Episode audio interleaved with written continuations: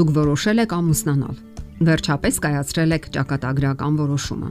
Իսկ մինչ այդ երկար եք խորհել, թե որտեղ եք սկսելու ձեր ամուսնական կյանքը։ Քննարկել եք տարբեր տարբերակներ։ Դուք կարող եք ապրել տղայի ծնողների տանը, կարող եք ապրել աղջկա ծնողների տանը, կարող եք ձեզ համար բնակարան ձեռք բերել տարբեր եղանակներով։ Մեր իրականությունն այնպիսին է, որ ամուսնացողները ավելի շատ մնում են տղայի ծնողների տանը, թեկուզ ժամանակավոր, ինչև կարողանան սեփական հնարավորություններով իրենց բնակարանն ունենալ։ Այս երևույթը կարելի անվանել ընտանիք ընտանիքի ներսում, երբ ամուսնացող զույգը այս կամ այն նկատառումներից ելնելով մնում է ծնողների տանը։ Պատճառները կարող են լինել ազգային, ավանդական, սեփական աշխատանքով գոյատևելու անկարողությունը եւ այլն։ Աշխարհի տարբեր երկրներում տարբեր ձևով են լուծում այս հարցը։ Իսկ ընդհանրապես գոյություն ունեն սկզբունքներ, որոնք թույլ են տալիս շրջահայաց եւ հավասարակշռված կարգավորել ամուսնական զույգի հետագա ճակատագիրը, եւ դա որոշում է զույգն ինքը։ Մի քանի տասնամյակ առաջ այլ տարբերակ քան ծնողների հետ միասին ապրելն էր համարյա գոյություն չուներ։ Սակայն այժմ այլ ժամանակներ են, եւ երիտասարդությունը միանգամայն այլ կերպ է մտածում եւ ապրում։ Նրանք հիմնականում գերադասում են ապրել առանձին։ Ակնհայտ է, որ ընտանիքը չի կարող ապրել մեկ այլ ընտանիքի հետ, պահպանելով համակեցության տարական կանոնները, անհատական հոգեբանական առանձնահատկությունները եւ սեփական եսի լիակատար ազատությունը։ Դա հաստատում են տարբեր փորձեր։ Համասարաններից մեկում օրինակ հարցում է անցկացվել 500 զույգ ուսանողների հետ։ Նրանք ամուսնական կյանքի բարդությունների մեջ առաջին տեղը հատկացրել են ծնողների հետ հարաբերություններին։ Խնդիրն ընդհանրապես բարթանում է համատեղ ապրելու դեպքում։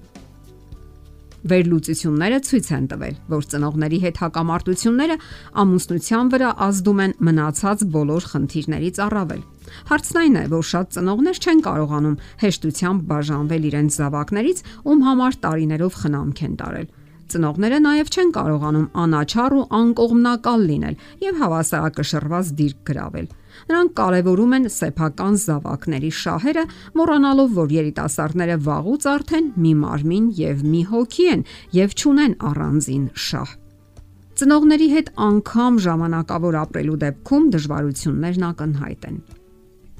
Պատճառները տարբեր են։ Նախ երիտասարդները չեն կարող մերց մտերիմ փոխհարաբերություններ հաստատել եւ դրանք պահպանել, որովհետեւ շփումը բոլոր ոլորտներում է։ Իհարկե, հնարավոր է, որ տունը լինի մեծ, ունենա լավագույն հնարավորությունները, սակայն երիտասարդները արագ կզգան, որ իրենց ձեռքերն ու ոտքերը կարծես կաշկանդված են։ Որոշ դեպքերում լարվածությունն ու կաշկանդվածությունը ազդում է նաև սեռական հարաբերության վրա։ Երիտասարդները կարող են լարվել անգամ սեփական հույզերնի ցույց դնելուց։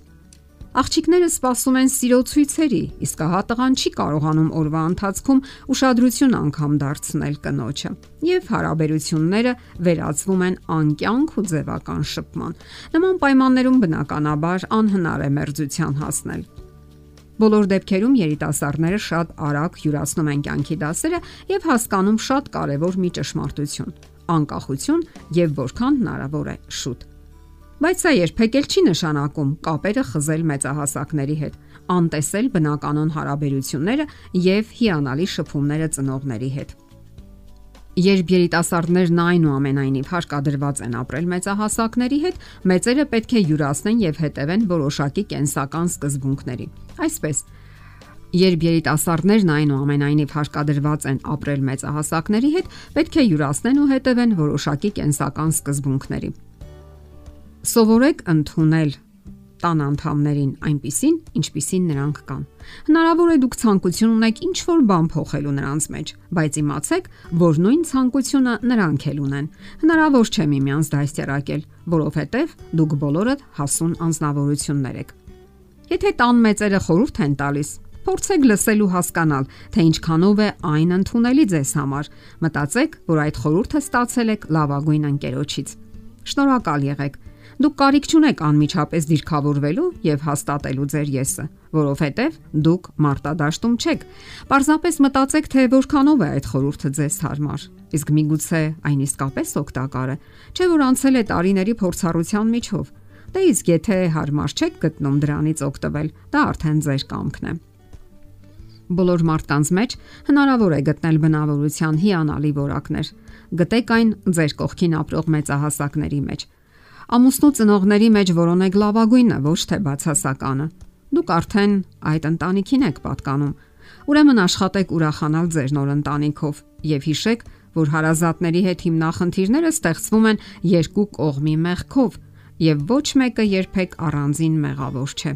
Նաև եղեք միասնական։ Ամուսնական կյանքում կան բավականաչափ բաներ, որոնք միայն ու միայն ձեր սեփականությունն են, եւ այդ մասին աշխարհում ոչ ոք չպետք է իմանա։ Ոչ ոք իրավունք չունի ներխուժելու ընտանեկան սուրբ տաճարը։ Նման փորձերը միայն ավելորդ լարվածություն, գրգռվածություն, դառնություն ու ցավ են պատճառում։ Ամուսինները նաև պետք է հիշեն, որ երբեք չի կարելի կողակցի սխալները քննարկել ծնողների, բարեկամների, այլ չենք ասում հարևանների հետ։ Զրույցների ժամանակ անիմաստ է օրինակ բերել սեփական հարազատներին։ Պետք չէ նաև սպառնալ, որ կլքեք եւ կգնաք հայրական տուն։ Իսկ ահա ծնողները պետք է իմանան, որ պետք չէ խորուրդ տալ, քանի դեռ զավակները իրենց չեն հարցրել այդ մասին Եվ վերջապես երիտասարդները միշտ պետք է հիշեն, որ իրենք այլևս կապված են հավերժական ուխտով եւ միասին սկսելով ու շարունակելով կյանքի այդ նոր ուղին քայլելու են դժվարին արահետներով։ Հաճախ էլ միանգամայն նոր ու չտրորված ճանապարհներով դեռ երկար տարիներ եւ դրա համար արժե որ երբեմն միասին վերընթերցեն նշանավոր գրողի հետեւյալ գեղեցիկ տողերը ծերանալ միասին սիրել կյանքի ընկերուհուն մինչև օրերի վաղճանը։ Նա ինքն իրեն ասում էր. աչքերի մոտի քթի վրայի այդ ցալքերն ինձ ծանոթ են։ Ես տեսել եմ ինչպես են դրանք կազմվել, գիտեմ երբ են սկսվել։ Այդ մոխրագույն մազերը գունաթափ են եղել իմ ներկայությամբ։ Այդ նուրբ դեմքը ուռուցիկ է դարձել ու կարմրել մեծ տանջող հոգնություններից ու ցավերից։ Հոգյակս, քեզ ավելի եմ սիրում, որովհետև Միասին ենք տանջվել ու միասին ծերացել։ Եթերում է ճանապարհ երկուսով հաղորդաշարը։ Ձեզ հետ է Գեղեցիկ Մարտիրոսյանը։ Հարցերի եւ առաջարկությունների դեպքում զանգահարեք 094 08 2093 հեռախոսահամարով։ Հետևեք մեզ hopmedia.am հասցեով։